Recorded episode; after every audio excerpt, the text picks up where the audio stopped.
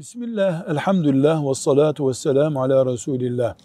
Kardeşimiz der ki, Kur'an-ı Kerim'de çokça defalarca dünya kınanıyor. Allah dünyayı yarattı, dünyaya bu şekli verdi, şimdi kınanıyor dünya. Neden? Diyoruz ki, kınanan dünya değildir. Yani dağlarıyla, vadileriyle, denizleriyle, ağaçlarıyla, nimetleriyle dünyayı kınamıyor Allah.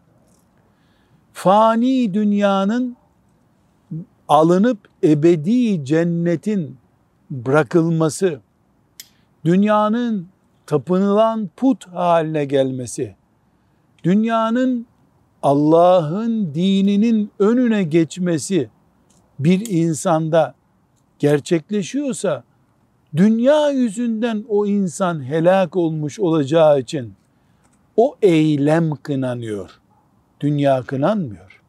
Velhamdülillahi Rabbil Alemin.